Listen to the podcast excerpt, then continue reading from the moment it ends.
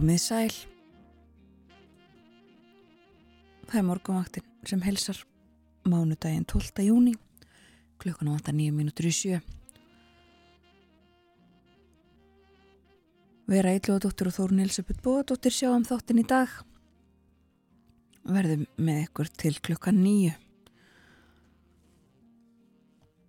Og það eru gular viðvaranir í gildi á Norðurlandi Istra og ströndum á Norðurlandi Vestra. Það hafa verið í gildi frá því í gerð morgun en renna út núna klukkan nýju.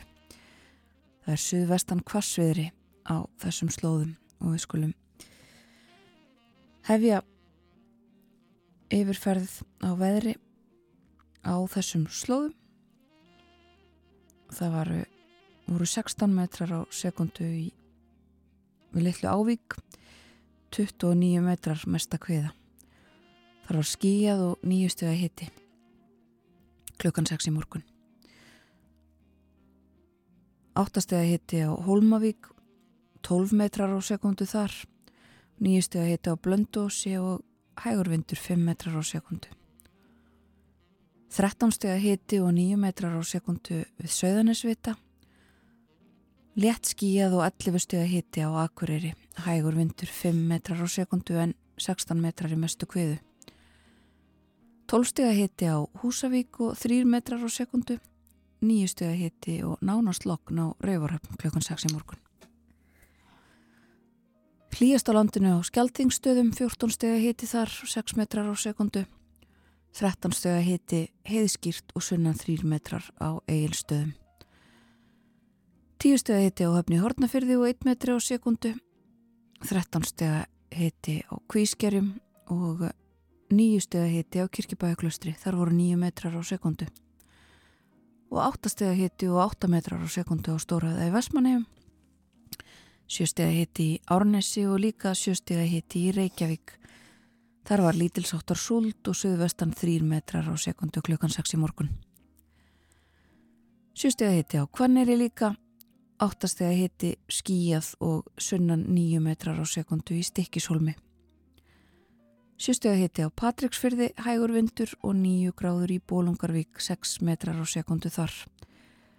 Og hittin á hálendinu frá tveimur stegum og upp að tíu stegum klukkan 6 í morgun. Og þá að spánni.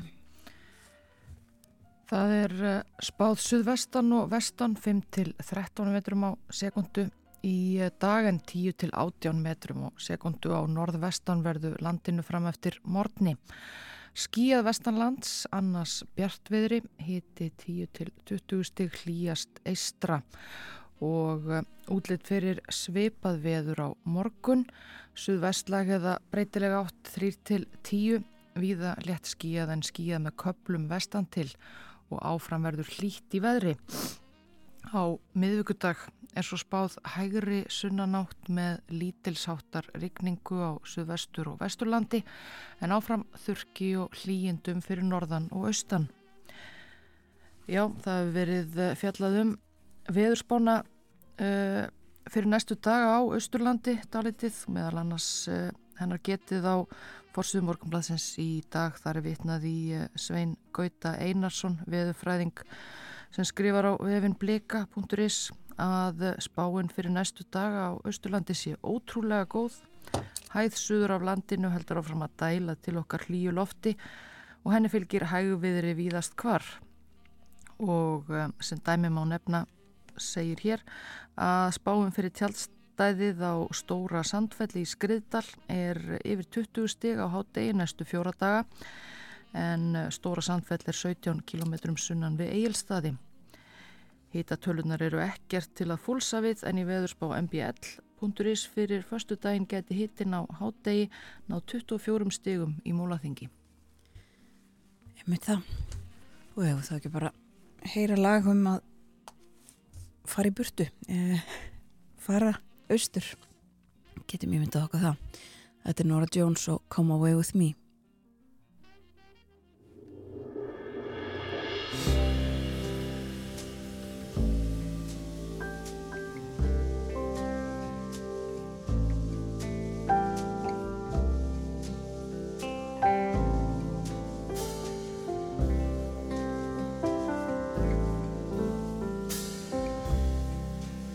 Come away with me in the night.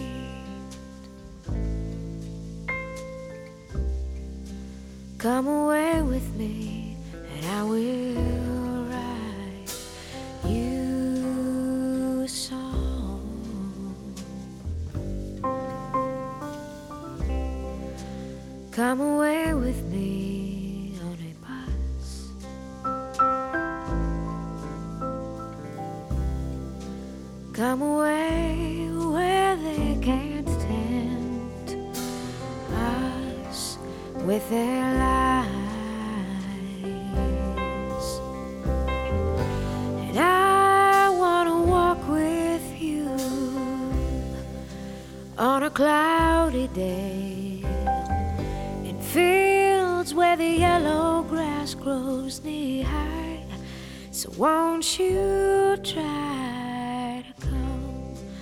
come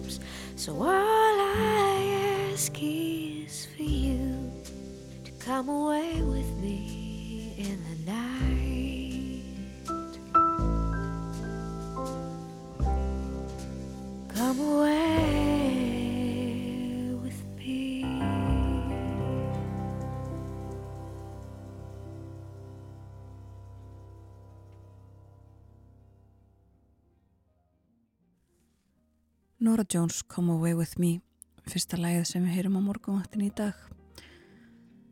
Við leipum fréttastofunni að það eru morgunfréttir sem eru næstar á dagskrá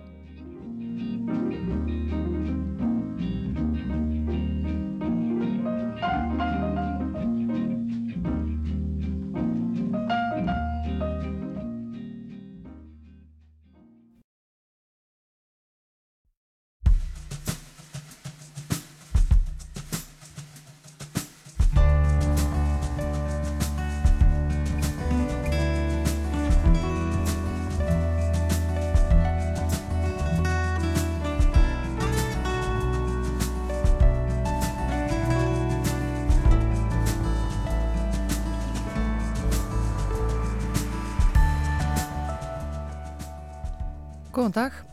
Morgunvaktin helsar mánudaginn 12. júni. Umsjónamenn í dag eru Vera Íllóðadóttir og Þórun Elisabeth Bóðadóttir. Meðal aðgerða stjórnvalda vegna mikillar verðbólgu var að hækka lífeyriskreislur um 2,5%. Öryrkjabandalagið kallar hækkunina snöytlega og hún duði ekki til að vega upp á móti verðbólgunni. Allir Þór Þorvaldsson, formadur Kjarahóps Öryrkjabandalagsins, verður með okkur klukkan 7.30, halv 8 og ræður um stöðuna meðal fallaðs fólks. Sögulegt samkómulag var gert meðal Evrópusambandsríkja fyrir helgi um málefni hælisleitenda. Deilt hefur verið um málið í langan tíma eins og Björn Malkvist, frettamæður í Brussel, segir okkur nánar frá þegar hann verður með okkur að loknum morgun frettunum klukkan átta. Og svo er það íslensku kennsla á vestfjörðum.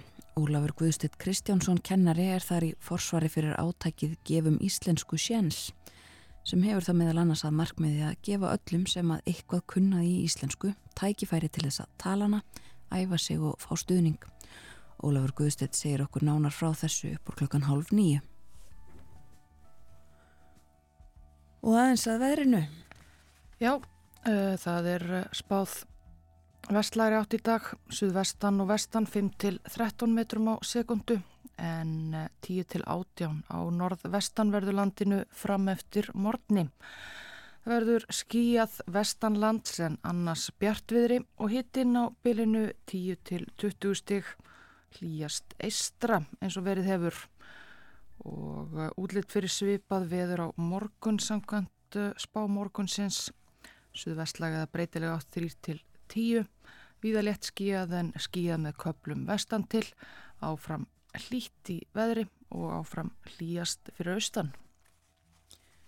Við fórum með mitt yfir þetta hérna áðan uh, veður horfurnar fyrir austan um, og þær séu hvað betri en á kannari eigunum bara næstu daga. Jú, þann uh, slær því fram Sveitn uh, Gauti Einarsson á veðurfræðingur á veðurvefnum blika.is að það verði betra veður á Östurlandi en á Tenerife næstu daga hæð suður á landinu sem að dælir til okkar hlýju lofti sem að fylgir uh, hægviðri og uh, ja, ansi uh, háar hitatölur allavega á Östurlandi spáð alltaf 24 stegum í múlaþingi á förstu dag og skínandi sól. Já. En já, ekkert, ekkert sérlega góð spáinn þá á Tenerife allavega ekki meða við miða við það sem eh, eigaskekkjar þar eiga að venjast. Emið það, lítum í blöðin, uh, byrjum hér heima. Já, morgumblaðið með stóra mynd á forsiðu sinni uh, af Háafossi Þjósardal. Það er Sigurður Bógi sem tók forsiðu myndina með dróna sínum eins og tilgrendi er í myndateksta. Regbógin glitrar fallega í klettakvelvingum, háafoss í Þjórsardal. Sérstök tilfinning fylgir því að horfa að þinnum tignarlega og svipsterka háafossi sem er 122 metra hár og fellur fram af hálendisbrúninni innst í Þjórsardal. Rétt þar fyrir ofan greinist foss á í tvent og fossin granni sem sést einnig á myndinni er ekki síður eftirtæktarverður. Samspil vatns og ljós brá upp fallegum regnbúa neðan við Háafoss þegar ljósmyndari flög dróna sínum þarna yfir Fossárdalum helgina. Afskaflega glæsileg mynd á fórsíðu morgunbladsins annars er eh, fjallaðum Úkrænu á fórsíðu frétta því að eh, Úkrænumenn segjast hafa frelsað tvö þorp í Donetsk héræði úr höndum rúsa. Fyrstu staðfestu tíðindin sem borist hafa fara Úkrænu herum nokkurt skeið þar sem Úkrænumenn hafa lagt mikla áherslu síðustu vikur á að halda lendarhjúpi yfir áformum sínum. Fjallaðum þetta á fórsíðu morgunbladsins sem og inni í blaðinu sjálfu, stuðum ála í Úkrænu. Það er einnig getið að blíðviðrinu á Austurlandi sem við eh, vorum að nefna hér og ímislegt eh, annað í morgumblæði dagsins. Já, og já þegar morgumblæði fór í prentun í gerðkvöldi þá hefur, uh, voru þessi tvö þorp hafði verið tilkynntum að úkrænumenn hefði náð þeim aftur á sitt vald snemma í morgun voru þau orðin þrjú og núna rétt um klukkan sjö er sagt frá því að úkrænumenn segi að fjórða þorpið sé komið á uh, vald þeirra á ný uh, Stórafsóf í Donetsk sem að uh, tilkynnt hefur nú verið um að uh, já, úkrænski fánin sé á ný við hún þar. Og þannig verði það uh, þetta verði tilfellið uh, allstaðar í öllum þjættbílis kjörnum þanga til að uh, allt úkrænst land hafi verið frelsað, segir í tilkynningu um þetta. En uh, þetta er allt lítil þorp uh, lítil uh, fáir sem, a, sem að búa þarna en þykir svona ekki síst tákgrænt og móralst gott fyrir úkrænska herinu og þjóðina. Og skal líka tekið fram að það er ekki búið að um, staðfesta það að óháðir aðlar hafa ekki geta staðfesta að þetta, þessa nýjustu viðbútt sem að var að uh, fréttast af núna fyrir nokkur mínútum. En þetta sem sagt já uh, gagnsókn úkrænumanna þessi margbóðaða gagnsókn um, komin af stað alveg. Og ímislegt uh, sem að þar er að gerast og frétta. Meðal annars uh, segja ókrænumenn að rússar hafi sprengt í loft upp aðra stíplu í Saboritsja hér aði um, eftir þessa stóru stíplu sem brast á mánudag í síðustu viku uh, sem uh, hefur valdið mik miklum skemdum og uh, hörmungum hreinlega. Þessi er ekki af sömu starðagráðu en, en hefur leitt til flóða líka. Rússar séu segja úgrænum en að sprengja upp stíplur á svæðinu viljandi til þess að reyna að stöðva framgang úkrænumanna að herrteknu svæðanum en rússar hafa eins og kunnugt er neita því að hafa sprengt upp þessa e, stíplu fyrir viku síðan og hafa kjent úkrænumunum um. Fleiri fréttir af þessu það er rætt við e, rúsneskan flugherman sem að e,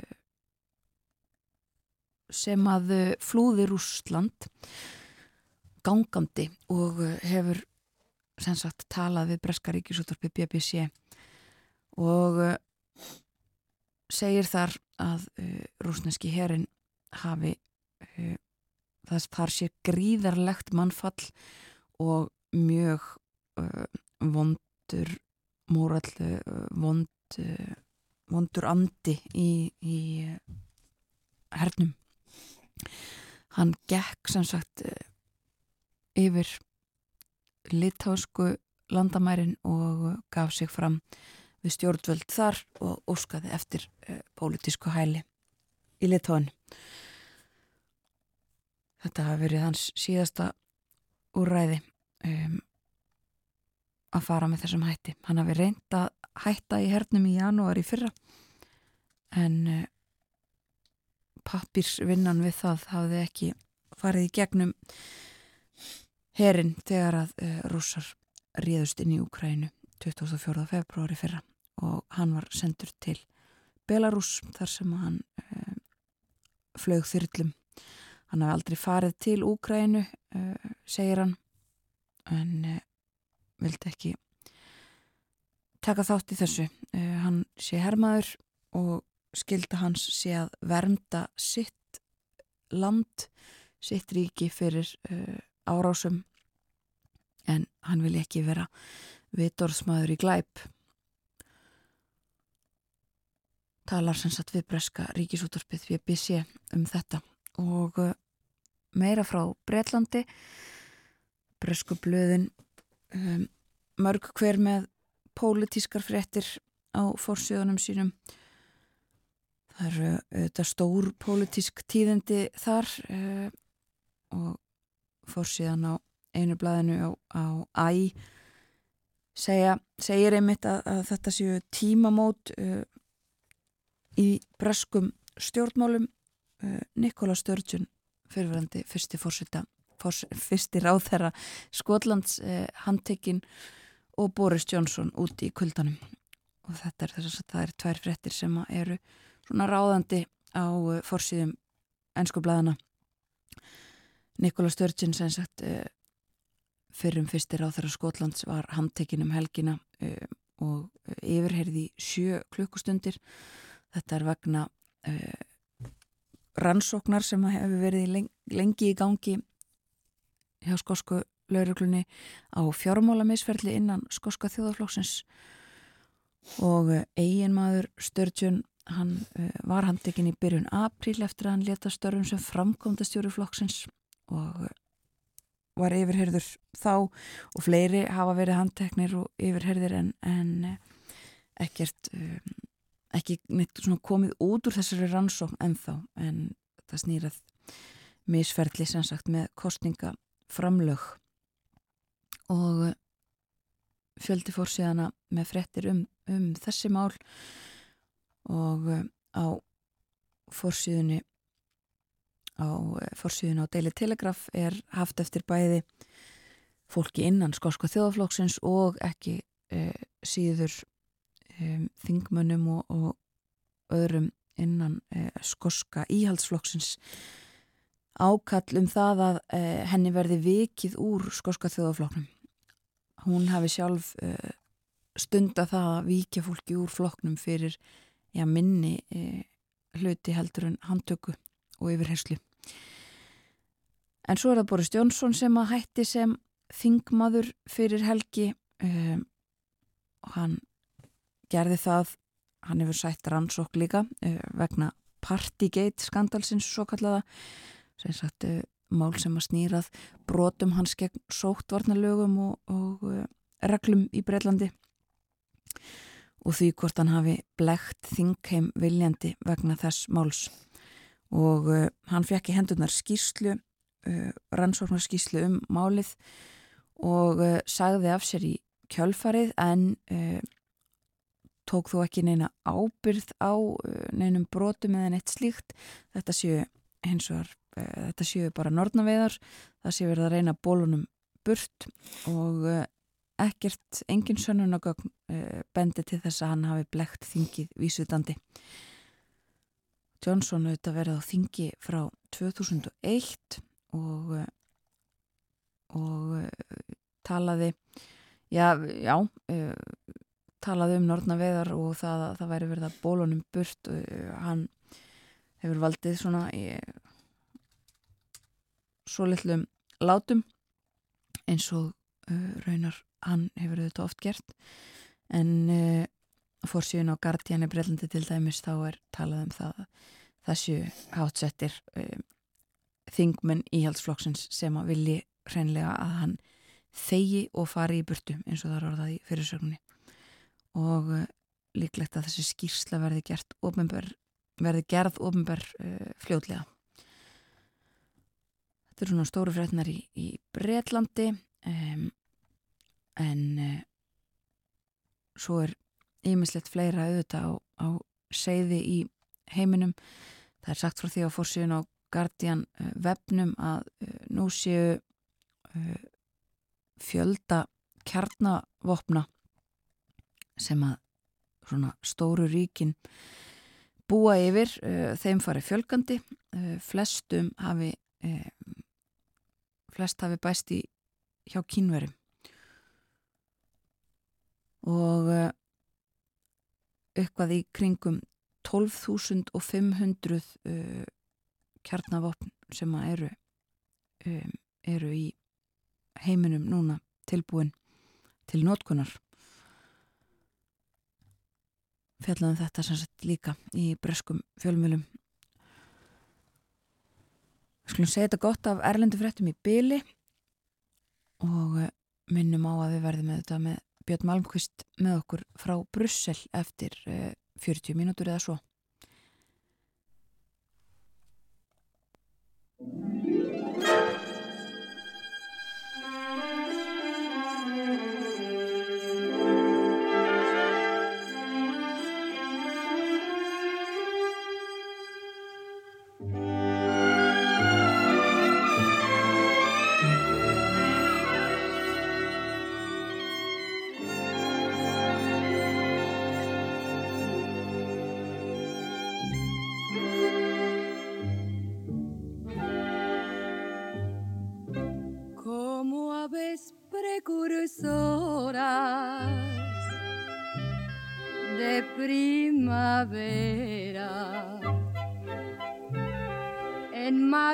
aparecen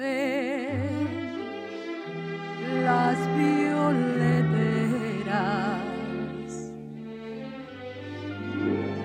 que pregonando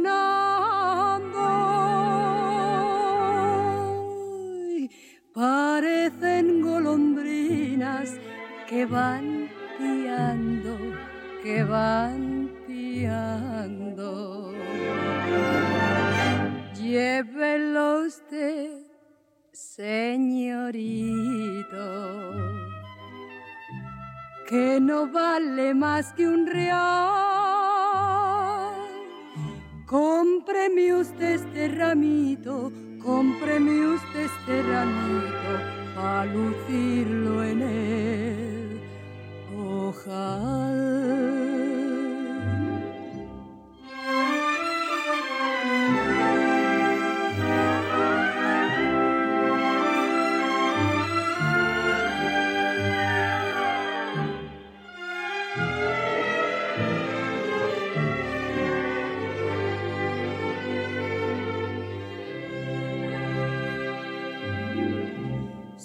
Son sus ojos alegres,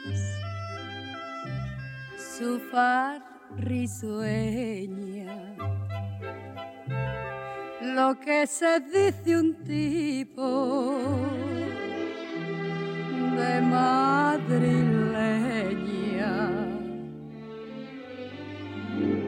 Neta y castiza que si entorna los ojos te cauteriza, te cauteriza. Llévelo usted, señorito, que no vale más que un real. Cómpreme usted este ramito cómpreme usted este ramito para lucirlo en el ojal.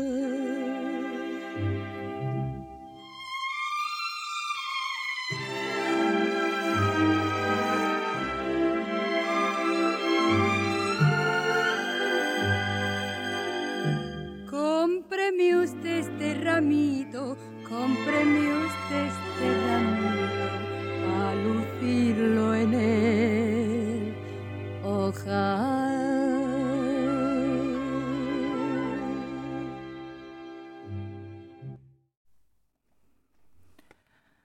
Spænska söngkonan Sara Montiel sem að þarna söng La Violetera lagur samnendri kvikmynd frá 1958 Við vorum hér áðan að renna yfir það hel, helsta fórsýðum bladana út í heimi frá Breitlandi og, og uh, Norrannu löndunum. Eh, Einn frétt að auki sem að rata nú kannski skiljanlega ekki á, á fórsýður en er einhvað síður forvitnileg í sænska aftónblæðinu. Þar er sagt frá ketti nokkrum sem að íbúar í Stokkólms útkörfinu Bromma hafa kannast við eh, um nokkura ára skeið. Þetta er stæðilegt uh, gulbröndótt uh, fress, flækingsköttur sem er orðin eins konar já, tíður gestur á, á, á, á göttum hverfisins og margir sem að kannast við köttin og hann heimsækir meðal annars verslanir og verstæði og, og annað og um, enginn sem að þekkti sérstök deili á, á þessum uh, ketti en uh, hann fekk nafnið Pelefino af einhverjum ástöðum var kallaður það af brámabúum þar til að uh, nýlega að köttunum fór að venja komur sínar á uh, bílaverstaði þar sem að uh, maður að nafni Kristján Sild uh, starfar. Og hann fór að taka til því að kötturinn kom og gekk kringum verstaðið svona á sama tíma á degi hverjum. og eh, varð forvitin um dýrið svo að uh, hans fekk uh, lánaðan örmerkja skanna til aðtúa hvort að, hvort að götturinn væri með örmerki, hefði einhver tíman tilhert einhverju mannesku fekk út úr því talna runu sem að já, hann vissi lítið hvað ætti við að gera.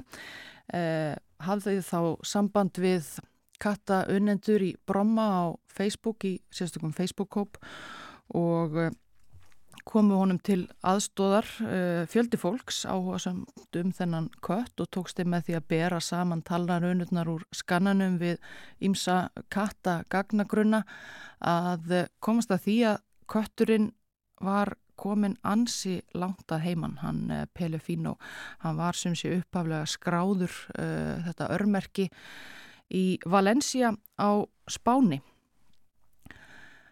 og uh, hafði einhvern veginn lent í uh, Stokkólmi, í útkörfu Stokkólms. Nú uh, næsta skref hópsins var að hreinlega hafa samband við laurugluna í Valencia sem að tókst að komast að því svona sirka hvar kötturinn hafi verið skráður í hvaða hverfi borgarinnar og þar fóru lauruglumenn og bunguðu á dyr og, og spurðu fjölda fólks hvort einhver kannadist við köttin allavega uh, nokkrar, uh, nokkur heimilsfang en svo reyndist ekki vera. Þeir náðu ekki neitt sem að kannadist við köttin Pelefino í Valencia. Og eftir nokkra daga af þessu þá ákvaði nú laurglan í Valencia að þetta verði kannski aðeins of mikið starf sem að færi í að hafa uppi á eiganda þessa kattar. Þannig að þar með lauk samstarfi svíjana og spænsku laurglunar og eh, já, það var fátum svör, engin eh, veit enþá hver raunverulegur eigandi eða fyrverandi eigandi Katarins Pelefino er og eh, allra síður hvernig hann komst alla leðina frá Valencia til Stokkólms en virðist una sér vel þar og því engin áform um held ég að senda hann aftur til til síns heima þó svíjar séu nú stundum mikið í því uh, og vel hugsað um hann af íbúum Bromma í Stokkólmi.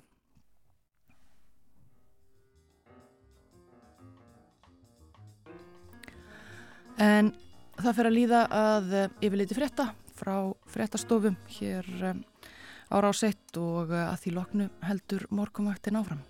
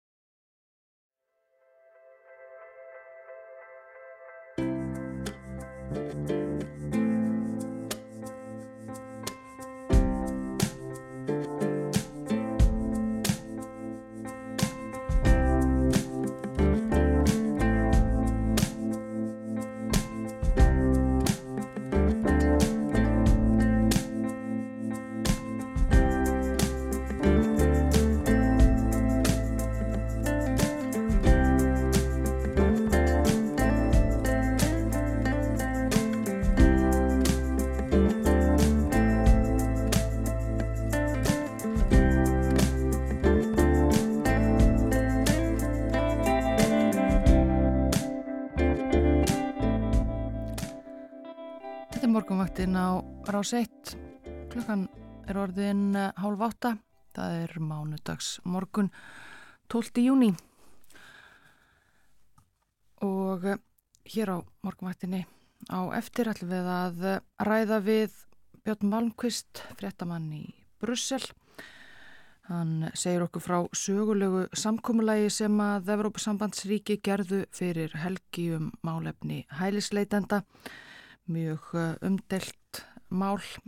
Björn Málkvist verður með okkur eh, að loknum morgum fréttum klukkan átta og eh, upp úr hálf nýju ætlum við að ræða íslensku kennslu á vestfjörðum.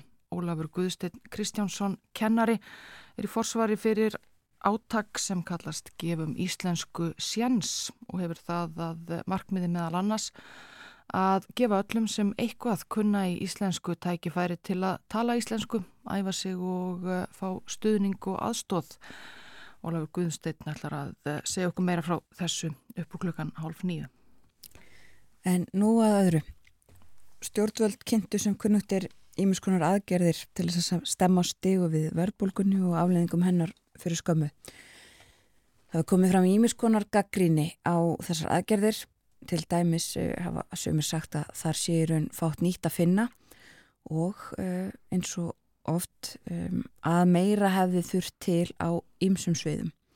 Og meðal þeirra sem að hafa sett fram gaggrinu og, og álygtaðum þessi mál er Öryrkjabandalag Íslands.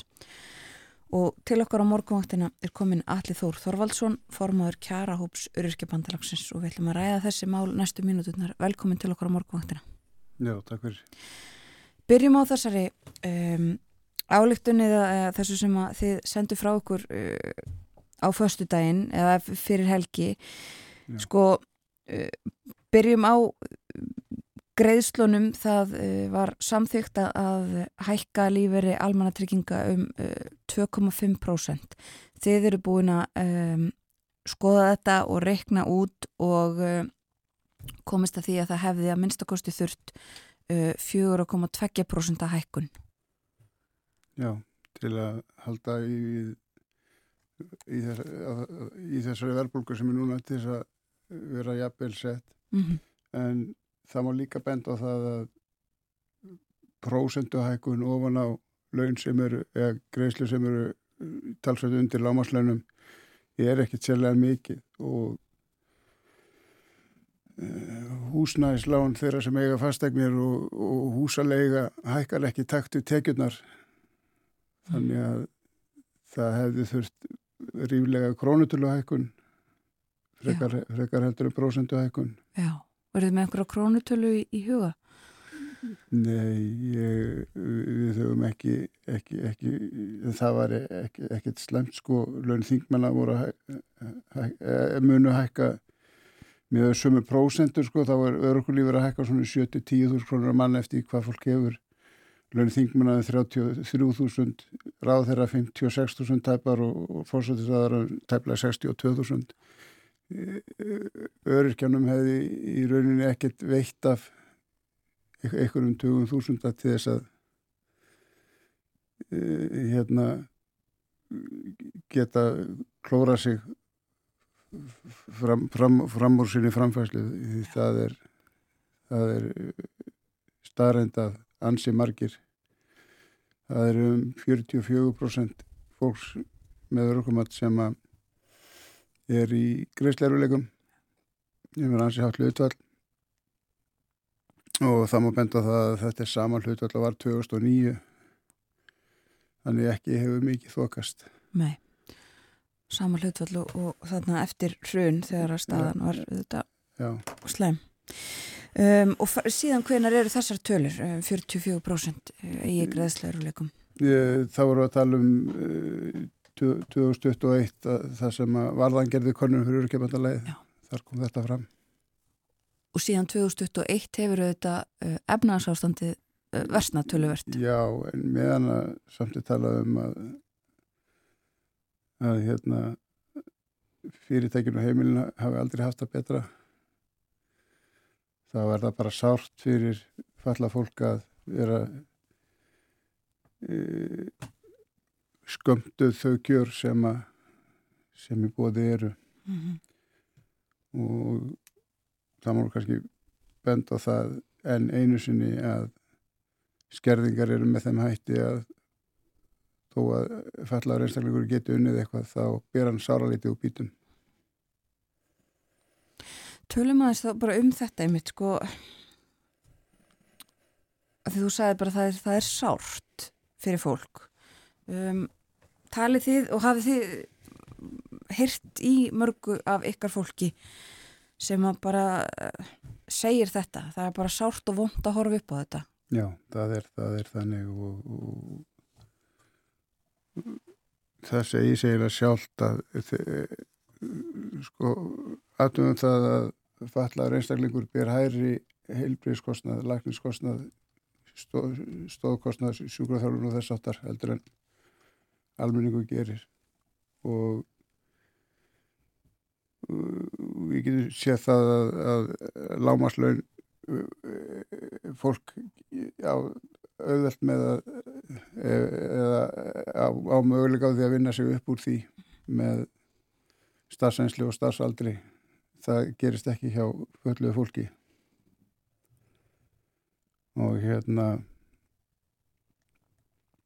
og að ná ekki einu svona upp í lámaslaun segir mann bara það að fallar einstaklingu sem þarf að treysta á almanlífuri, hann getur ekki lífa mannsamandi lífi. Eh, það er þessi 44% fallara eru raun búa við fátækt. Já. Og ég held að það var hægt að gera ansi mikið í baratunni gegn fátækt á Íslandi með því að gera betur við þennan hóp. Já. Hvernig var, hvað var hægt að gera? Þetta er auðvitað eitt sem við erum búin að vera ræðum, hækkun uh, á, á greiðslunum. Uh, hvað var fleira hægt að gera? Húsnæðismálinn hafa auðvitað verið mikið til umfjöldunar hjá ykkur. Húsnæðismálinn hafa verið mikið til um, umfjöldunar og það var til dæmis hægt að setja þak á húsalegu. Það hefur verið reynd með ágættum árangri annar staðar og, og hérna það myndi verið til mikið að bóta eins þyrti að fjölga búsett úrraðum og húsnæðismálinn hafa náttúrulega verið mikið í brennendefli og, og hérna og það er staðreind að það mun herra hlutfall fallaðars fólk sem er einlift heldur en ófallari Já. og því fleiri sem að búa einir og, og þurfa frekar á aðstóð vegna búsitt að halda. Já, hafa bara eina framfærslu. Já. Já. Og sko hafa það hefur auðvitað verið svona einhver gangur í því að, að gera breytingar á, á þessum húsnæðismálum en, en myndið þið vilja sjá þetta bara um, miklu hraðar öðruvísi uppbyggingu og, og öðruvísi kannski líka uh, eða hærri húsnæðisbætur? Já, allar leiðir, allt sem hjálpar er, er, er vel þegið og, og hérna þetta þarf að gerast fljótt Já. Að, og hérna það er hópur fólk sem að sem að er stór hópur fólk sem að skrimtir ekki. Það, það, það kom meðal annars fram hjá umbósmanni skuldara fyrir síðast ára var stærsti einstakki hópurinn sem sótum aðstæð hjá þeim voru fallæðir og þar kom fram í tölu þeirra að e, þegar að búið var að borga först úgjöld þá er staðan í mínus hjá þessum hópi. Fólk átti kannski 30 krónur í afgang árið ári þar á undan. En núna á fólki ekki einu sinni fyrir e, nöðsynlegum úgjöldum mm -hmm. sem segir það að fólk þarf að neyta sér um annarkort almennilega mat eða, eða nöðslega liv og, og hvað þá sjúkraþjálfun og tannlæklaþjálfun og annaði þeimtur og það hefur helbriðshópur upp í leitgera konu fyrir sig og þar komin ljós að það, það er hérna, mun algengara með að fallar að fólk leysi ekki út lifi eða, eða sæki sér lækningsjónustu sleppið því að mæta hefur reynilega ekki efnaði Já. Sko allir, já. Já það, það er náttúrulega bara óskum að brúðistu verði veri, veri við þessu og, og ekki þegar ekki einu sem ég er haldið í við verðlag þá er staðan orðið verðlagslegum Já. Stjórnvöld þetta segja og, og taka þessa hækkur núna uh, á, á uh, greiðslunum, lífeyrsgreiðslunum svona með uh, breytingum sem voru gerðar um, um áramót og taka þetta svona saman en, en þið sem sagt uh, er það á því það það er ekki heldur hægt að gera það þannig það, það dugar ekki til. Nei, sko, prósundu hækulun og svona lágangurinn gerir svo lítið. Það segir sér sjálft að uh, 7000 krónur á mánuði gerir ekki gefið mörgin á þessum hópi. Nei Þið, e, ég las líka hjá ykkur e, umsögn um, e, um þessu breytingar á lögum um almann tryggingar og húsnæðisbætur sem, sem að þessu tengist. Uh, og þar kom fram líka í, í lokin bara þetta sem að þó yðurlega er sagt ekkert um okkur án okkar.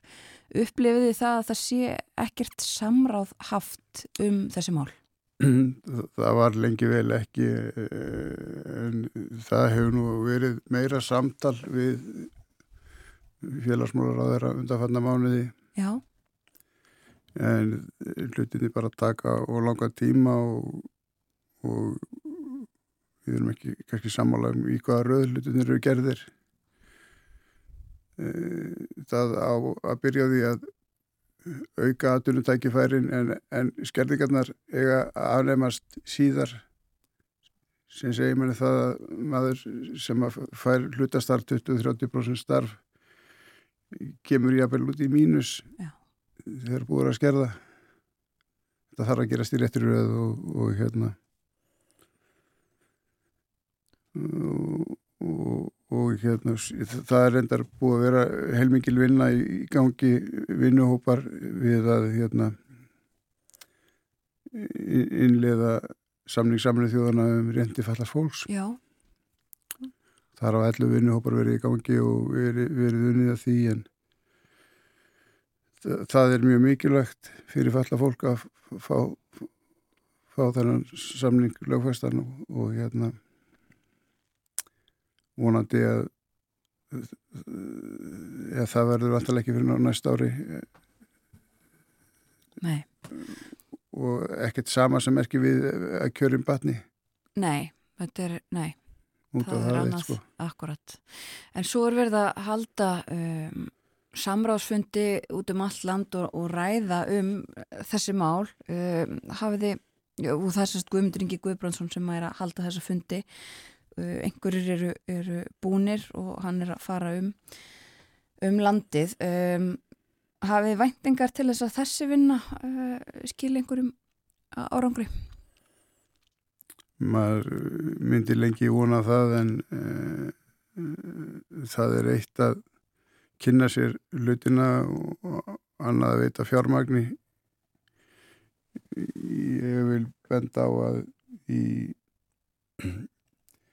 í hérna þessi síðasta ríkistjóttamyndun þá var gerður sáttmálið um það að örgur lífeyriskerfið er einfald að dreyju tengingum og gert skilvirkara gagsara og svo framvegis.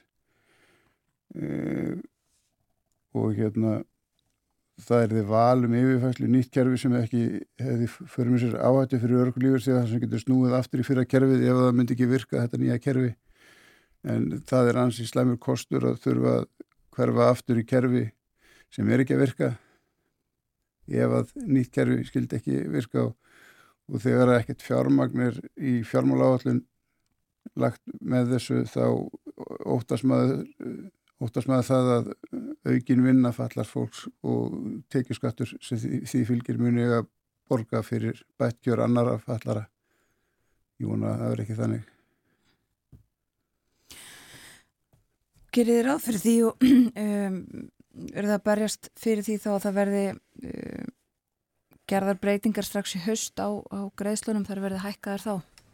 Já, ekki setna. Nei, já þið náttúrulega voruð að uh, gefa frá okkur þessa álitun og kannski uh, vilduð frekar reyna að, að það erði gerða breytingar núna áður en að þingið laug sínum störfum.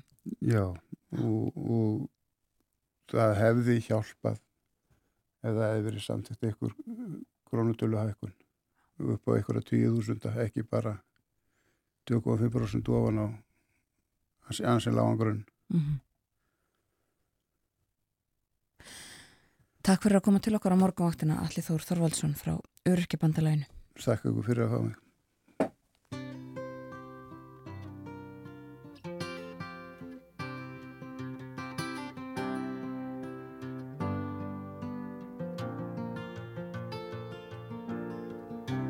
yesterday morning, they let me know you were gone. Suzanne, the plans they made put an end to you.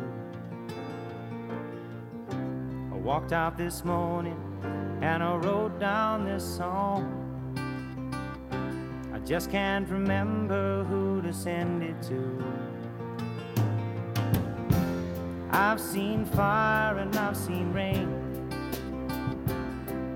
Seen sunny days that I thought would never end. I've seen lonely times when I could not find a friend. But I always thought that I'd see you again.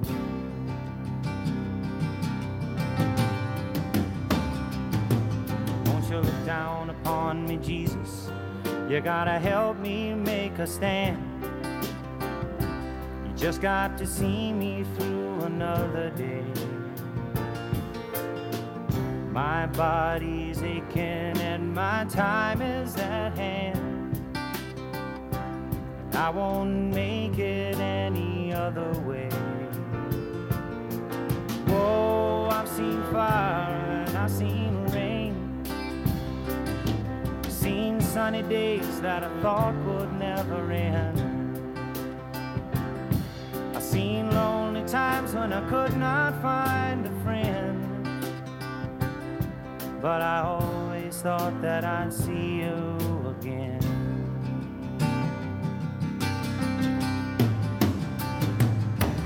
Been walking my mind to an easy time, my back turned towards the sun. Lord knows when the cold wind blows, it'll turn your head around. Well, there's hours of time on the telephone line to talk about things to come. Sweet dreams and flying machines in pieces on the ground. Whoa, I've seen fire and I've seen rain. I've seen sunny days that I thought would never end. I've seen lonely times when I could not find But I always thought that I'd see you, baby, one more time again now. Thought I'd see you one more time again. There's just a few things coming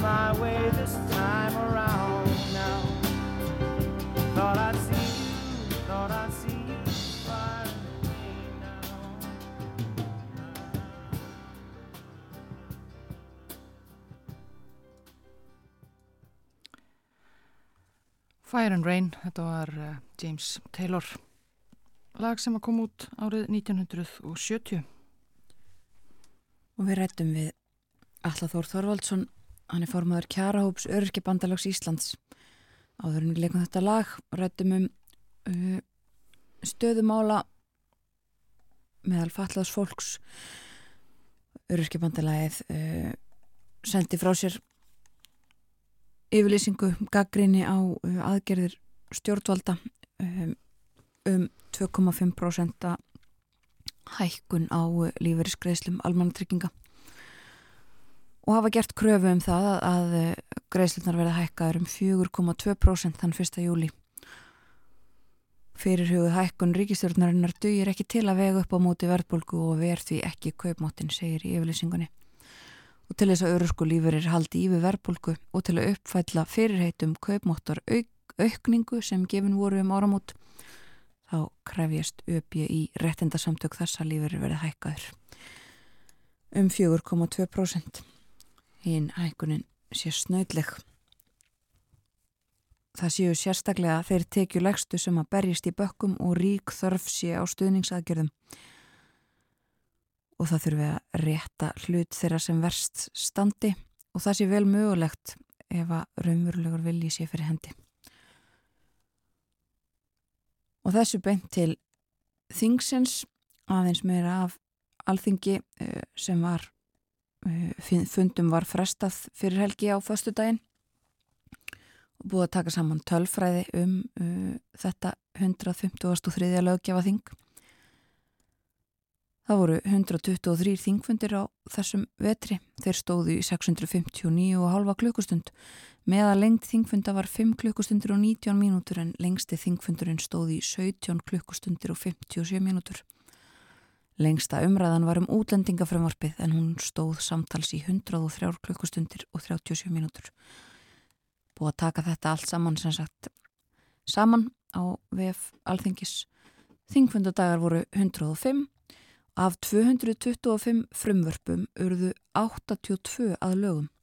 143 voru óútrætt og af 164 þingsáleiktunartilugum þá voru 24 samþygtar og 140 tilugur voru óútrættar.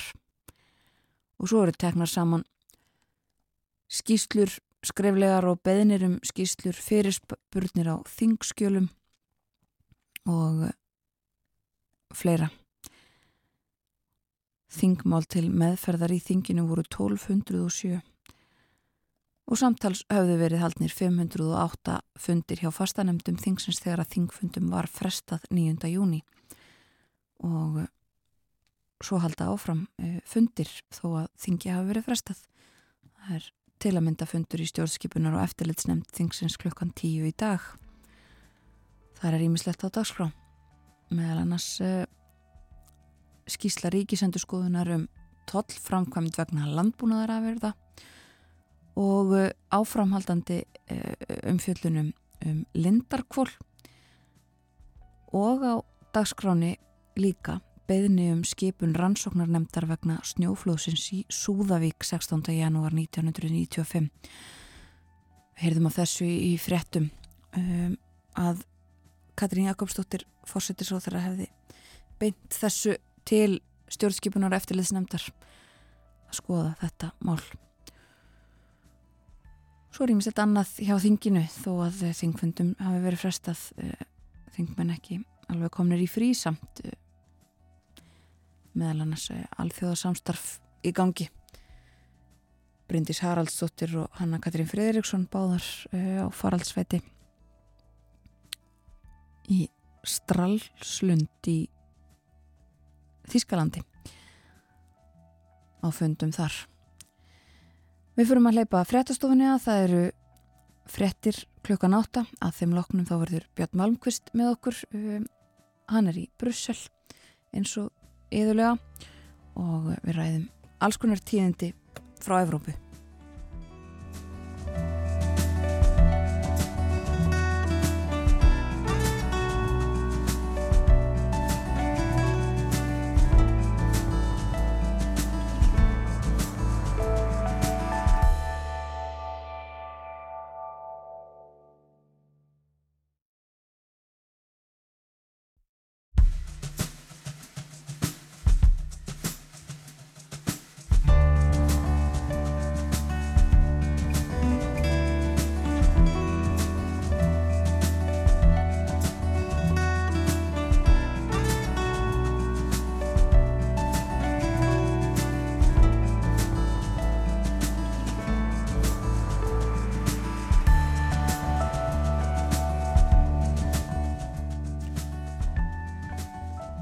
Sæl á ný, þetta er morgunvaktin og rás 1.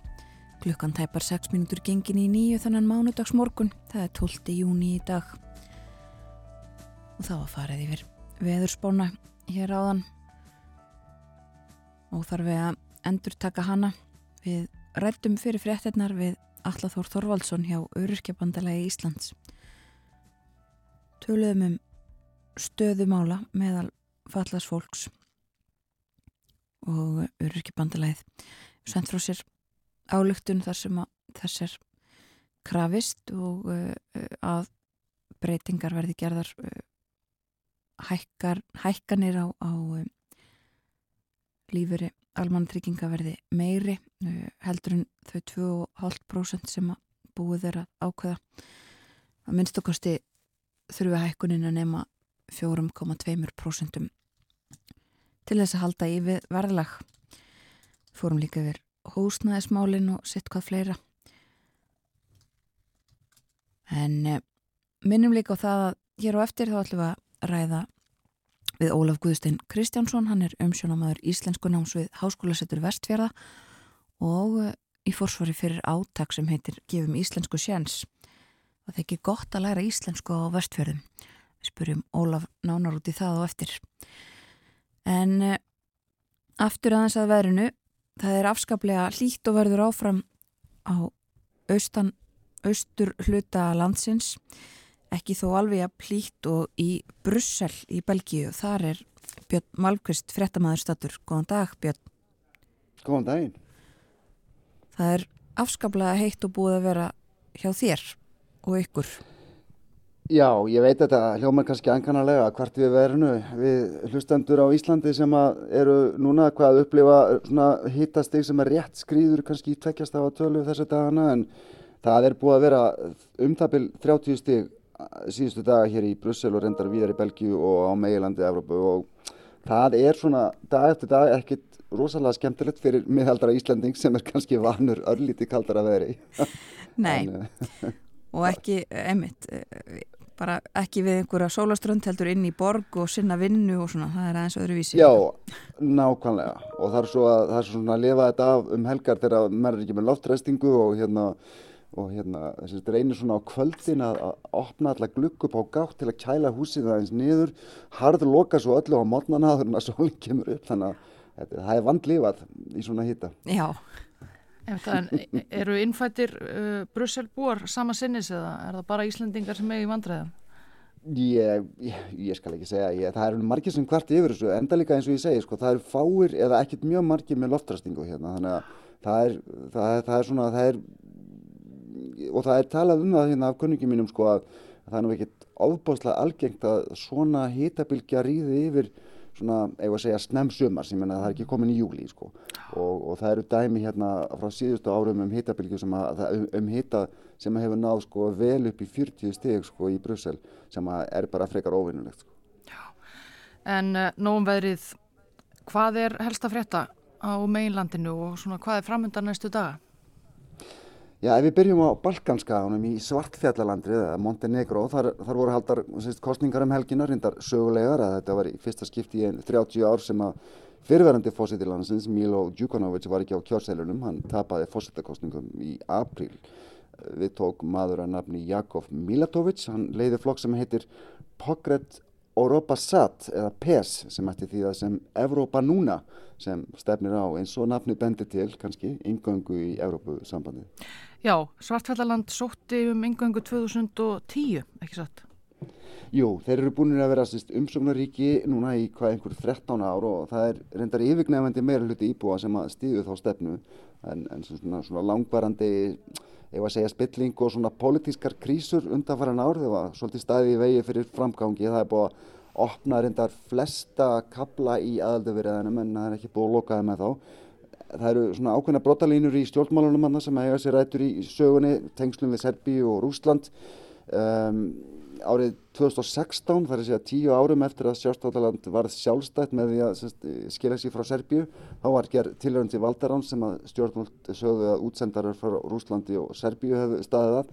En, en ríkið hefur í rauninni svona skipað sér í flokk þeirra ríkja í svona Östur-Európu og, og í Balkanskaðanum sem að svona horfa mjög einbeitt í, í vestur Svartfjallaland var til dæmis aðaldaríki Allarsafsbandalagsins árið 2017 Og meðan við niðurstöður uh, kostningarna í gær þá uh, verður ekkit breytt um stefnu í bráð eða hvað? Nei og það endur spekla bara svona yfirgnefandi vilja íbúa sko. Það verður haldið áfram á sumu breytum og maður búast við PES eða þessi flokkur. Evrópa núna verðist á að fengið um fjórðungu atkvæða. Uh, Líðræðisflokkur sósélista sem var í stjórn og er líka fylgjandi aðeldaðið SB verðist á að fengið aðeins minna um 23% en, en bandalaflokkar sem að stiðja nánar í tengslu Serbíu og Rúsland Eh, svona þjóðaröfnisinnaður eh, flokkur, hann er líklega með um 15%. Þetta eru niðurstöður sem er reyndar byggðar á úrtaki frá kjörtildum en formlegar tölur ætti að koma síðar í vikunni og þannig að eh, það er svona bendir allt til þess að, að svartvetarand sé áfram á sumu breyti eins og þeir hafa verið e, nánari tengsl við vesturlutana í Evrópu, nánari tengsl við NATO, nánari tengsl við SB og já, þetta er svona, svona, svona frekar einsýnt. Það er með það. En að öðru málefni flóttafólks og hælisleitenda voru á dagskrá hjá Ráþeraráði Európa-sambandsins í síðustu viku. Mikið rétt. Uh, Dómsmála og innarrikiðsáþurar aðeldaríkjuna komu saman í Luxemburg á 50 dag og förstu dag og þeim tókst loksins, segja mjög margir, að ná samkómulagi um afstöðu til þess hvernig ríkin eiga að vinna saman og, og hvernig á að afgreða hælisleitendur á, á landamörum Schengensvæðinsins. Já, þetta var talsvert áberandi í fréttum evróskra miðla og sumir hverji letu eins og þetta væri uh, afgreitt mál, ESB væri búið að taka upp nýja stefnu en það er langur vegur í að þetta verði að regluverki, ekki satt? Jú, sko þetta eru uppalega tillögur sem að framkvæmtastjórn ESB laði fram fyrir um þreymur árum ef við mann rétt þessar, þessar tillögur hafa breyst og þróast ekki síðast á, ekki síðast á, á síðustu mánuðum undir stjórn Svíja sem hafa farið með formensku í ráþæraráðinu og það sem að gerðist á fymtudagin var að ráþæraðnir þar að segja fyrir hönd sinna ríkja voru að tala sig nýður á sameigilega nýðustuð á fundinum sjálfum. Þannig oftast búið að setla þetta allt saman áður en að þeir koma. En, en, en það var ekki búið í þessu tilviki enda líka kannski enginn fyrir þetta mjög umdelt og erfitt mál fyrir mjög mörg aðeitaríki Þannig að þeir voru að tala sér niður á afstöðu sem að, sem að síðan verður í rauninni grunnurinn að viðræðum við Evrópu þingið og reyndar framkvæmda stjórnina líka um hvernig þessar reglur eiga líta út. Þetta er í rauninni hluti af svona þessu ferli sem að öll lögjöf í Evrópusambandinu fyrir, gegnum. Eh, þannig að þetta var ekki endanleg niðurstaða og, og hérna reglurna verða valla afgreitar formulega fyrir ná fyrir hluta næsta árs þannig að já, þetta er ekki endalega nýðustöða en, en, en, en sérst, fundurinn á fymtudagin var hins vegar mjög mikilvæg að því því að þarna voru í rauninni ríkin að leggja stóra línunar og ég held að þessar tillögur eigi vall eftir að breytast mjög mikið og sennilega alls ekki sko í grundvallratriðum. Nei, segð okkur stutlega hvað fælst í tillögunum? Sko, svona í grunninn þá, þá snýst þetta um að það verður aukinstöðningu við ríki eins og Ítalíu, Greikland og Spán þar sem að svona jaðarríkin þar sem að flotta fólk hefur verið að koma til dæmis yfir miðrarhafið en það verður líka í þessu og það er kannski það sem er nýtt það verður möguleikin fyrir önnur ríki innan, innan ESB að ef að segja má, svo, ef að segja má að þau geta keift sig frá því að taka á móti fólki. Og það var alltaf það sem að stóði ríkjum eins og Pólandi og Ungverjalandi þegar við að hérna, að skilda öll ríki til þess að taka þátt. Í þessum ríkjum hefur verið og er almenna anstæði gegn því að taka á móti hælisleitundum. Ég og reyndar það er kannski rétt að undanskilja, fólk frá Úkræn í þessu samengi. það sem að, að miljónur hafa komið til dæmis til Pólans en, en það er svona kannski af aðeins öðrum toga og meira svona tímabundið en í þessum tilvögum, sko fælst að að ríki innan ESB geta greitt 20.000 eurur eða 3 miljónir króna fyrir hvern hælisleitandi það þarf að segja keft sig frá því að taka mótunum þá myndu þau sérst í þau myndu hafa þrjá valkosti þannig að sérst í fyrsta lagi að taka á móti hælisleitnundum eða þá að borga fyrir kostnæðin af því að flytja á tilbaka sko þarf að segja þá sem er hafnað eða þá að leggja fjármagn í kostnæðan sem að fylgir því að taka á móti og, og hýsa sérst, hælisleitendur. Þetta er það sem hefur verið kallað svona skildubundin samstafa eða það er svona konsepti sem að, sem að svíjar einhverjum komið með. En vel að merkja þá var nú ekki meiri samstafa eins og að 21 af 27 ríkjum var samála þar að segja Eh, sex voru á móti. Þannig að þetta var samþygt með því sem að kallað er hér aukin meiraluti. Það er nú mjög mikið að lagasetningu í ESB sem er samþygt með því sem heitir aukin meiraluti. Það er sem stýðir að, að það þurfa 15 af 27 ríkjum að samþykja og þau ríki þurfa að hafa 2-3 af íbúum innan ESB. Mm -hmm. En Hvað með Ísland og hælisleitendur sem, a, sem að hinga að koma uh, á þessi nýja stefnu eftir að snerta okkur eða einhver leiti? Við erum jú innan uh, Schengen og hluti af evróska efnahagsvæðinu. Já, sko, mögulega sum af þessum ákvæðum ef við verða einhvern tíman að reglugjörðu vel að merkja. Þau sem að, að, að varða Schengen eða Dublin samningana, uh, þau svist, breytingar á þeim munu hafa áhrif á, á það hvernig við afgriðum flotta fólk á landamærum en, en, en, en ákvæði sem að varða þessa svona samílegu ábyrðu og þáttöku í kostnaði sem ég nefndi á hann, þau snerta okkur ekki og mun ekki snerta okkur. Eh, sko, þessi málefni er ekki hluti af samningnum um eróska efnaðarsvæði þannig að reglugerið eh, sem að, sem að hérna, verða til verða ekki teknar upp eins og við gerum venjulega með mál sem eru það sem heitir EES-tæk eins og það heitir en uh, hins vegar sko þrátt fyrir að heildarpakki ESB sé ekki skuldbendandi fyrir Ísland þá þá, hef, þá höfum við svona til þessa alltaf haft hliðsjón af því hvernig lögjafinn um þessi mál hefur þróast innan Európu og, og þetta, þannig að þetta, sérst, alla breytingar af þessu verða mjög skoðar mjög vel held ég hjá stjórnvöldum á Ísland. En, en það eru þetta svona meira politísk spurning sem að, sem að er, já, framtíða músik, ég menna því að þessar reglgerður verðaldri sko til formlega fyrir í fyrsta legi á næsta ári. Það, við fylgjumst áfram með uh, þessu en uh, já, hvað er framöndan í vikunni? Já, hérna í Brussel hinga koma um 200 borgarstjórar uh, frá OECD-ríkjum uh, á stóra ráðstefnu sem að snýst um að, að auka jöfnuð í efnahags uppbyggingu borga. Uh, Dagur B. Eggertsson er að mætinga, hann er í formensku fyrir þennan hóp. Mikil dagskrá hér í miðbænum og í ráðhúsinu næstu daga. Síðan er Þórtís Kolbrún Gilvardóttur að koma á fund þeirra NATO á fymtudag og föstudag. Þetta er síðasti ráðhverjafundurinn hjá NATO fyrir leituafundin í Vilnius í Litáin í næsta mánuði. Það er vantilega svona aðverðið að slípa til sameigilegar yfirlýsingar sem að á að samþykja í Vilnius til dæmis um útgjöld aðeirberikina til vardamála. Það er ákveðin skriður á því máli vegna innrásar rúsa í Úkrænu. Krafan hefur alltaf verið um, sko, um að, um að aðeirberiki leggja fram 2% af þjóðaframistu til, til varnamála og það hefur svona gengið upp og ofan að, að svona uppfylla það. Uh, ég nefni Þískaland sem dæmi þar sem að hefur gengið ekki eins vel eins og mjög margir aðrir hafa viljað. En það er ákveðin skriður á því máli. Uh, það verður náttúrulega að tala um svíþjóð. Það er ákveðin pressa á Tyrki að láta loksa af andstöðu sinni við yngöngu Tyrki eftir, eftir kostningarnar í, í Tyrklandi í mæ. Um, þannig að það er svona já, það er ekki útséð með að þeir verði formlega teknir inn á letu á fundinum í, í Vilnius nú uh, Úkræna, vartamálar á þeirra Úkræna mætir á fundin og það verður að sjálfsögðu rætt um áframhaldandi stuðning við, við stjórnvöld þar sem eru náttúrulega fullu núna í í, í gagsóknum gegn úrsum eins og, og fram hefur komið í fréttum.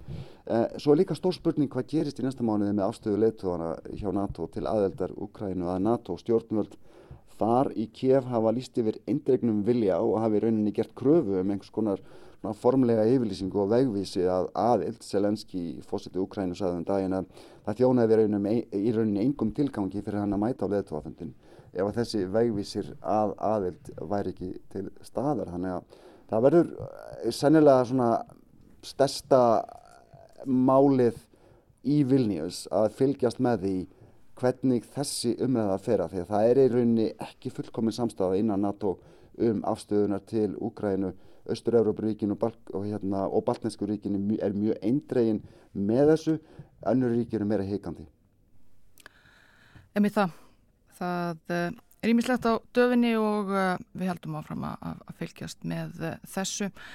Þakka ég kjærlega fyrir spjallið í dag, Björn Malmqvist. Takk fyrir mig. Björn Malmqvist í eh, hittanum í Brussel, það er 30 stiga hitti uh, hjá honum og heitt víðar í Evrópu eins og hann sað okkur frá með fram uh, umfjöllunum það sem er helst á döfinni hjá Evrópusambandinu og alþjóðastofnunum en við skulum hlýða á eitt lag.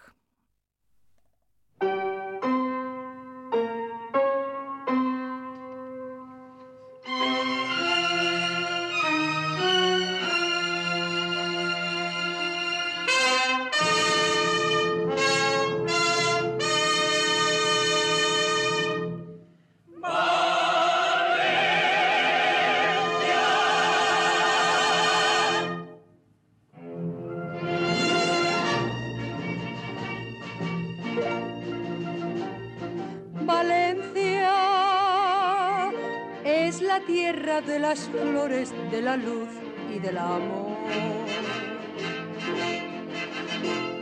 Valencia, tus mujeres todas tienen de las rosas el color. Valencia, al sentir como perfuma en tus huertas el azar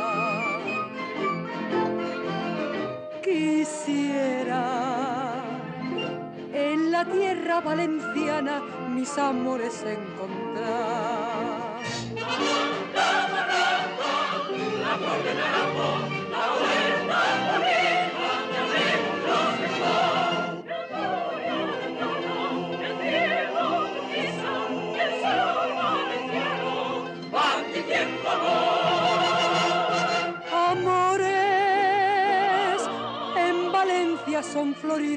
Como ramos de azar. Quereres en Valencia sus mujeres con el alma suelen dar. pasiones en la huerta valenciana si te dan el corazón. Sus hembras ponen vida en un beso de pasión.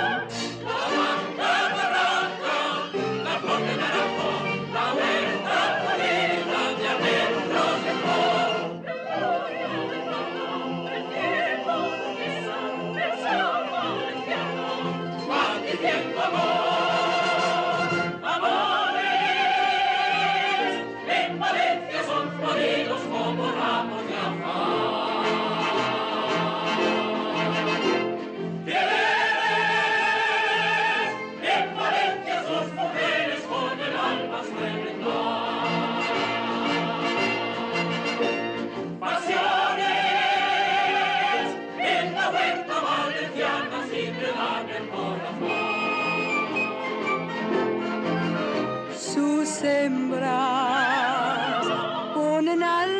ponen vida en un beso de pasión.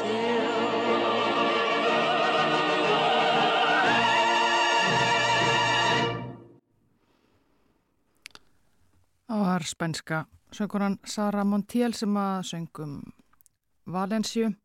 Valensju. Við heyrðum líka í henni aðeins eh, fyrir í þættinum. Söng þar annað lag en uh, þetta lengi verið eins konar þjóðsöngur Valencia búa, óformlegur þjóðsöngur. Það er uh, heitt í Valencia eins og annar staðar í Evrópuð. Það er spá 27 stiga heita þar í dag reyndar hálf skíjað örlítið kaldara í veðri greinilega en í, en í Brussel það sem að er 30 stiga heiti Björn Malmqvist, frettamæður í Brussel var með okkur áðan. Honum þykir ansi heitt orðið í borginni, sérstaklega með að, að það er jú bara rétt miður júni og eh, getur enn orðið mun heitara í uh, Evrópu.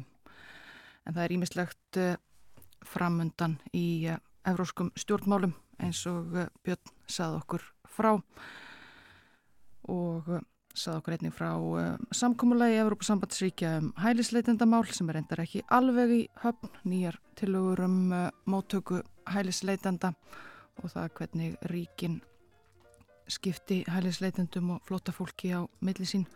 Og hann sað okkur líka frá kostningum í Svartfjallalandi, ný afstöðnum kostningum Svartfjallaland stefnir á uh, Evrópasambands aðild sótti um yngöngu í Európa-sambandi 2010 og eh, viðræður í fullum gangi.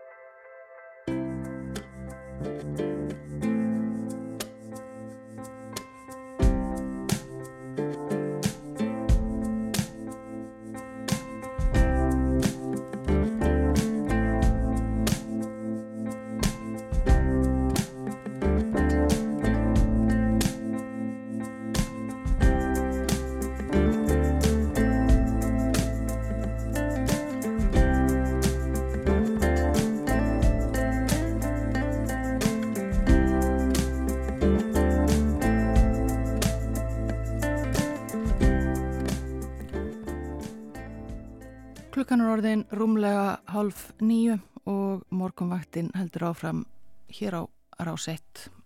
Verður með okkur í, með ykkur í halv tíma til viðbútar fram að fréttum klukkan nýju. Það er spáð vestlæri átt í dag, suðvestan og vestan 5 til 13 metrum á sekundu en 10 til 18 á norðvestanverðu landinu fram eftir mótni. Verður skíjað vestanlands en annars bjartviðri og hitin á bylinu 10 til 20 stig, hlýjast eistra og spáinn á morgun svipuð, segir veðurstofan. Svipuð veður á morgun, þó öllu bjartara vestan til. En við töluðum hér áðan fyrir fréttaeflit við eh, Björn Malmqvist, fréttamann í Brussel. Hann er þar í hita bylgu og eh, sað okkur frá samkómulagi Evrópusambandsríkja um málefni hælisleitanda meðal annars. Samkómulag sem er ekki alveg komið í gegn en eh, geti þó haft einhver áhrif á uh, málefni hælisleitanda hér á landi. Og klukkan hálf átta rættum við við Allathór Þorvaldsson formann Kjarahóps öryrkjabandalagsins um aðgerðir stjórnvalda vegna verðbólkunar og hvernig þær eh, koma við öryrkja ekki nóg gert að mati alla. Og næstu mínuturnar ætlum við að ræða um íslensku.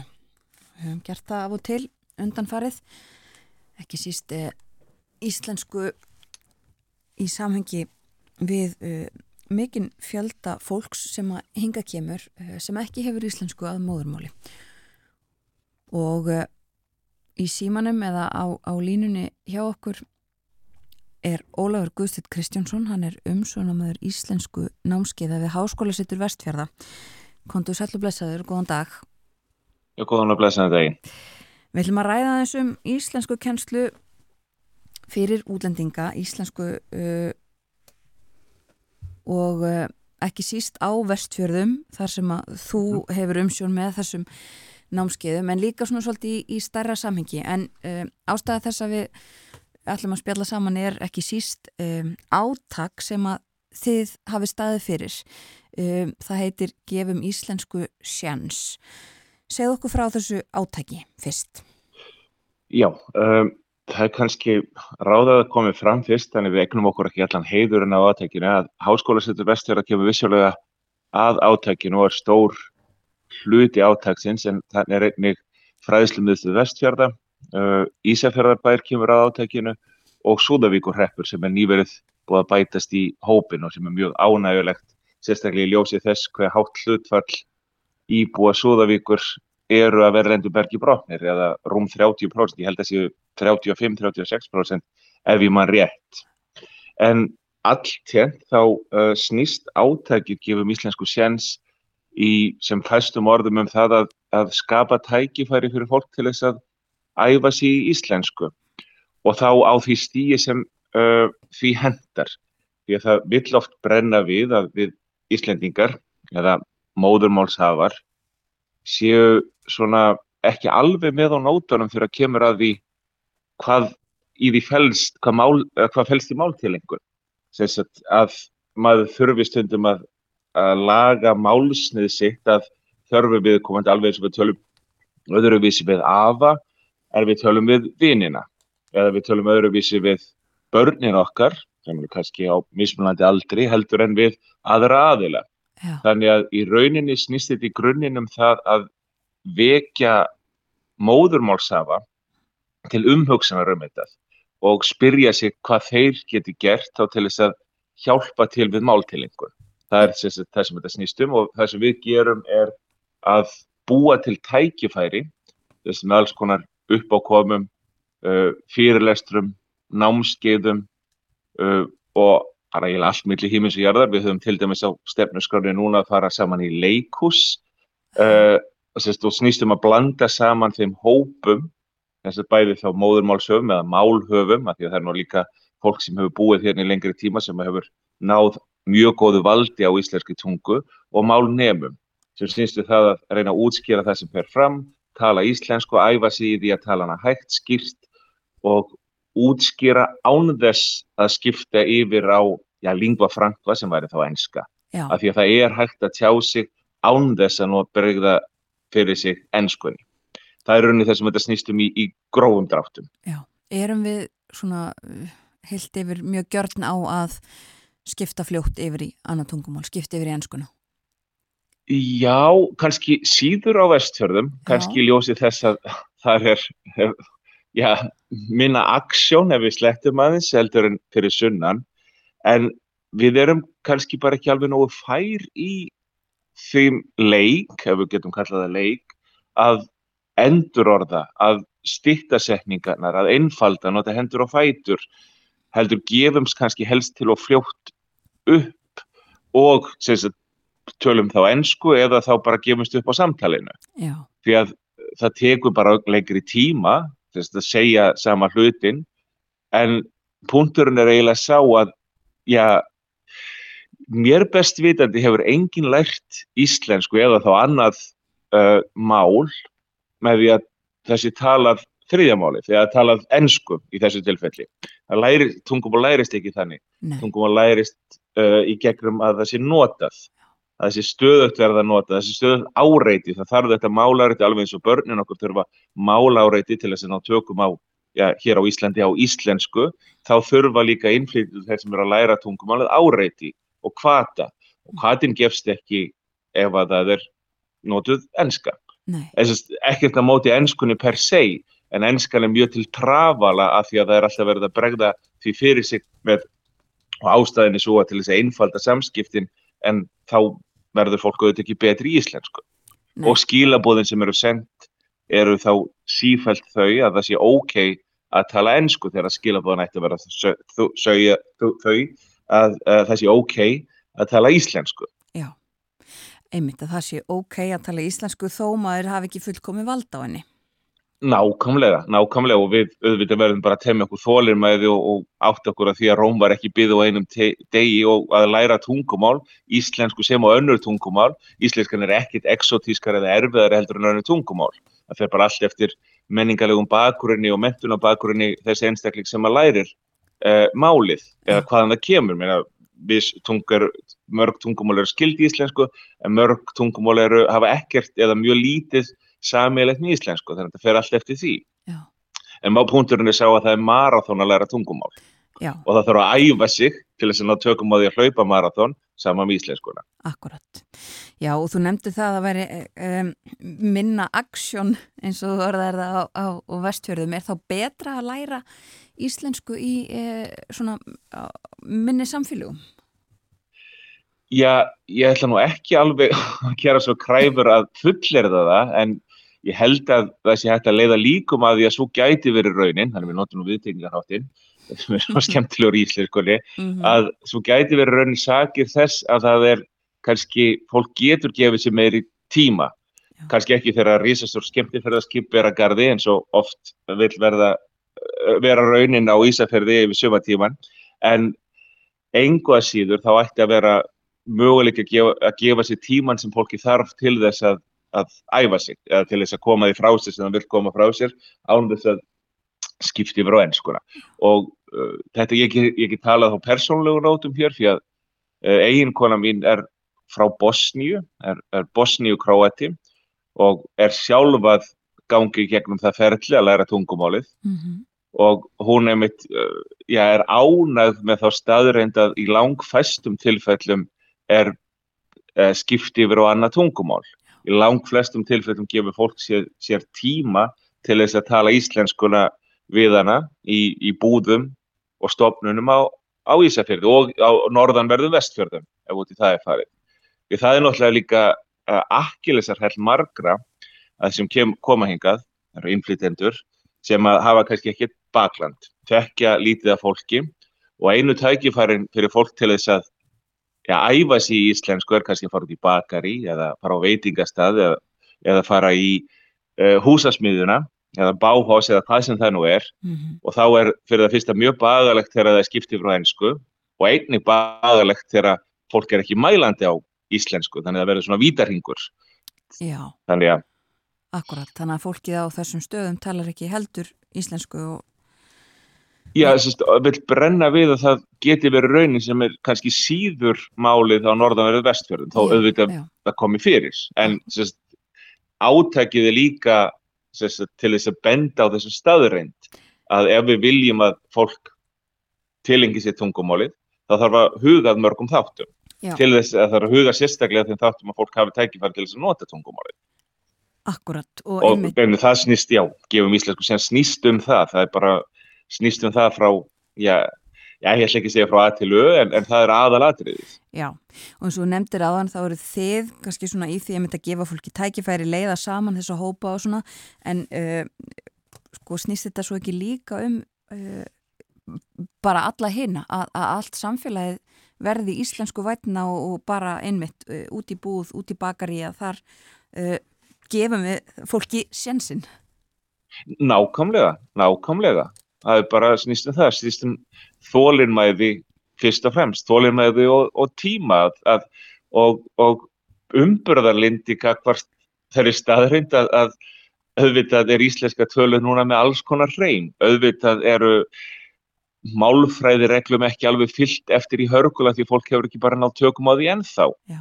Og þar framið ykkur, það þarf að temja sér þólinmæði, það þarf að, að já, sína umburðarlindi kakvart þessu. Það, að, og líka svo staðreind að kannski ekki eru allir færir um að tala um nýjustu skáldsögu Jón Kalmans eða Haldur Lagsnes og þar framið ykkur tónum. Já, Þannig að það samræðu eða umræðefnið er oft aldrei takmark og það verður bara að vera þannig. já, akkurat. Um, og finnst þér og ykkur uh, þið upplifað mikinn stuðning við þetta og, og þáttöku meðal fólks? Við skulum orða það sem svo að þáttökan mætti vera betri. En minna, auðvitað, fólk lifið sínu lífi og hefur kannski um, eitthvað annað að hugsa heldur en þetta sínt og heilagt. En stuðning já, ég held að margir séu mjög ánæður með þetta en hefur ekki alveg komin kannski, eh, eða fólk er ekki alveg komið á þessa bylgju kannski. Meina, til dæmis Brægi, sveitastjóri í Súðvíkurheppi er alveg híminlífandi. Uh, ég veit til þess að við, það er mikið hóli í samfélaginu en stundum mættu, sagt, mætti hólinu fylgja aðgerðir. Þannig að það hefur gengið upp og ofan að fá já, móðurmáls hafa til þess að taka þátt í uh, þeim viðbörðum sem við stöndum að en meina, það er það sama eins og með tungumálið að það tekur bara tíma og við ætlum að gefa okkur þann tíma til þess að reyna eftir fremsta megni að virkja samfélagi til þáttöku og gera það íslensku mænt. Já, og þú nefndir Braga sveitastjóra í Súðavík. eh, Þið helduð stort málþing og, og eh, svona vinnufund fyrir helgi þar Mm. sem að hann var einmitt eh, meðal þeirra sem að, sem að töluðu. Segðu okkur aðeins Já. frá þessu uh, málþingi og svona því sem, kannski sem að uh, kom út úr því. Já, uh, þá er spurning hvar maður er að byrja. Örunni til þess að ég þjappa það niður, að við höfum ekki endalusan tíma, þá, þá fengum við uh, aðeila til þess að koma og halda erindi sem að, snerist í rauninni bara allt um það, þessi spurningunni sem varpaði fram á málþinginu, hvað getur samfélagi gert til þess að hjálpa til við máltilengun. Og þar uh, er við gaman að segja frá því að þar voru einmitt þrýr aðilar sem eru núna málhafar að því að við gengið í gegnum þetta ferli að læra íslensku og það var talað um til dæmis þann tíma sem að það tekur að læra tungumál fyrir oft fá, já, fær fólk þá spurningu hversu langan tíma tók þau, tók þau að læra íslensku? Og þar var sérst, í kjarn, kjarni þess erindi sem að uh, Ana Belen uh, Fernandes Organista uh, sem er uppálega frá Spáni var með, er runni sá að það tekur tíma og fyrirhöfn og það þarf að leggja talsvert ástu til þess að það gera en, en, en í raunin er, er ekki nógu vel haldið á spöðunum hvað þetta varðar hér á Íslandi því það fólk fær ekki allavega ekki ennum tungumálanámskeið ekki nægilegan tíma. Það er ekki nógu margir klukkutímar og námskeiði ná ekki nógu langt. Það ná oftast ekki á hærri stígin. Það er mjög mikið að frambóði á, á byrjandanámskeiðum en síðan þegar lengra dregur þá er mjög lítið að frambóði.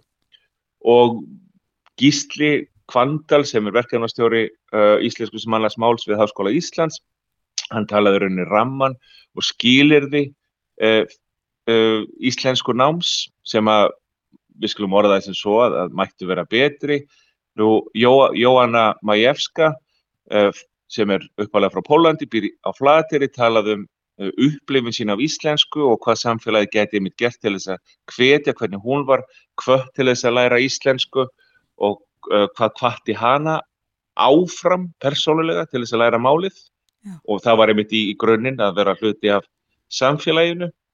Uh, síðan var talað um uh, hlutverk móðurmáls í íslensku kennslu, þannig að hvort að það væri ráð í staðis að nota þá lingua franca sem er aðalega enska og það hafi ekkit allir tök á enskuna, það skilji ekkit allir enskuna sem hjálparmál, að þá væri kannski ráð að nota eða safna saman til dæmis teknisku málhöfum og kenna eða nota teknisku sem hjálparmál eða búlgörsku, því var þeirri spurningu var velt fyrir sér og já, nýðurstaðan, það var rauninu sjálfur sér ekki nýðurstaða heldur, uh, við rættum þetta fram og aftur, hvað maður getur gert betur, hvernig verður þetta að laga raman bæði á vinnustofunni og á málþinginu, við söfnum saman hugmyndum sem að sérst, ég ætla þá eða við hjá háskólasetri eða við sem stöndum að gefum íslensku séns ætlum að að setja inn í dagskrána hjá okkur í sömar því að það er komin dagskrá fyrir mæ og júni hjá gefum íslensku séns en við ætlum að halda áfram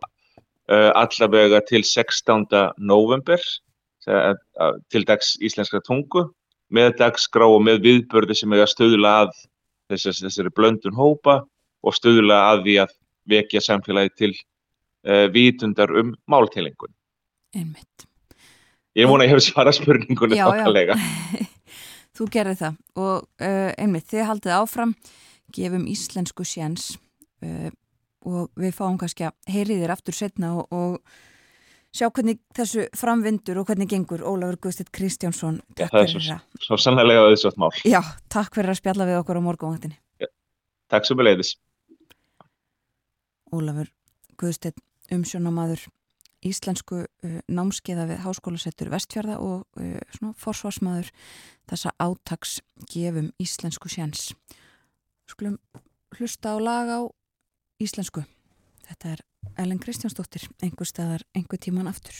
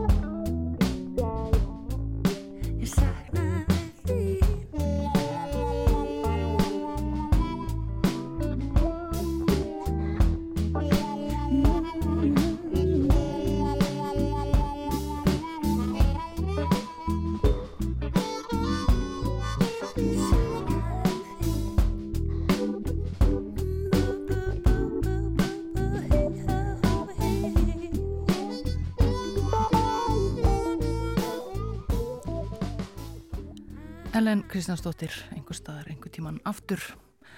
Ítalskir fjölmiðlar greindu frá því nú rétt í þessu að Silvio Berlusconi, fyrverandi fósættisráð þeirra Ítalíu til fjölda ára sé látin. Hann uh, lést á sjúkrahúsi í Mílanó í morgun verist vera. Uh, hefur verið veikur með uh, einhvers konar mein í lungum og lengi þjáðst af kvítblæði. Silvíó var 86 ára gamall. Fórsættisráð þeirra 1994 til 95, 2001 til 2006, 2008 til 2011. Gífulega áhrifa mikill maður í ítölskum stjórnmálum og öllu þjóðlífi dæmdur fyrir skattsvik en let það ekki á sig fá og var uh, kjörin á þing síðast í fyrra, satt í uh, efri delt, öldungadelt ítalska þingsens. Og þetta var síðasta efnisatriðið á morgunvaktin í dag held ég. Já, heyrum eflaust uh, meira en Berlusconi í fréttum og dagskrá dagsins sem að er að, er að hefjast en morgunvaktinni er að ljúka þennan mándagsmorgunin. Já, við hefum komið við að við og eh, verðum hér aftur í fyrramálið. Bjóðan góðan dag þegar klukkuna vantar um það byrj tíu mínútur í sjö, alla verka mótna og engin breyting þar á í fyrramálið. Þá voru meðal annars eh, fastir liðir á dagskráni. Þólusnar Júliusson og Artúr Björgum Bóllarsson verða báðir með okkur í fyrramálið. Við þökkum samfélgina í dag, njótiði dagsins og veriði sæl. Veriði sæl.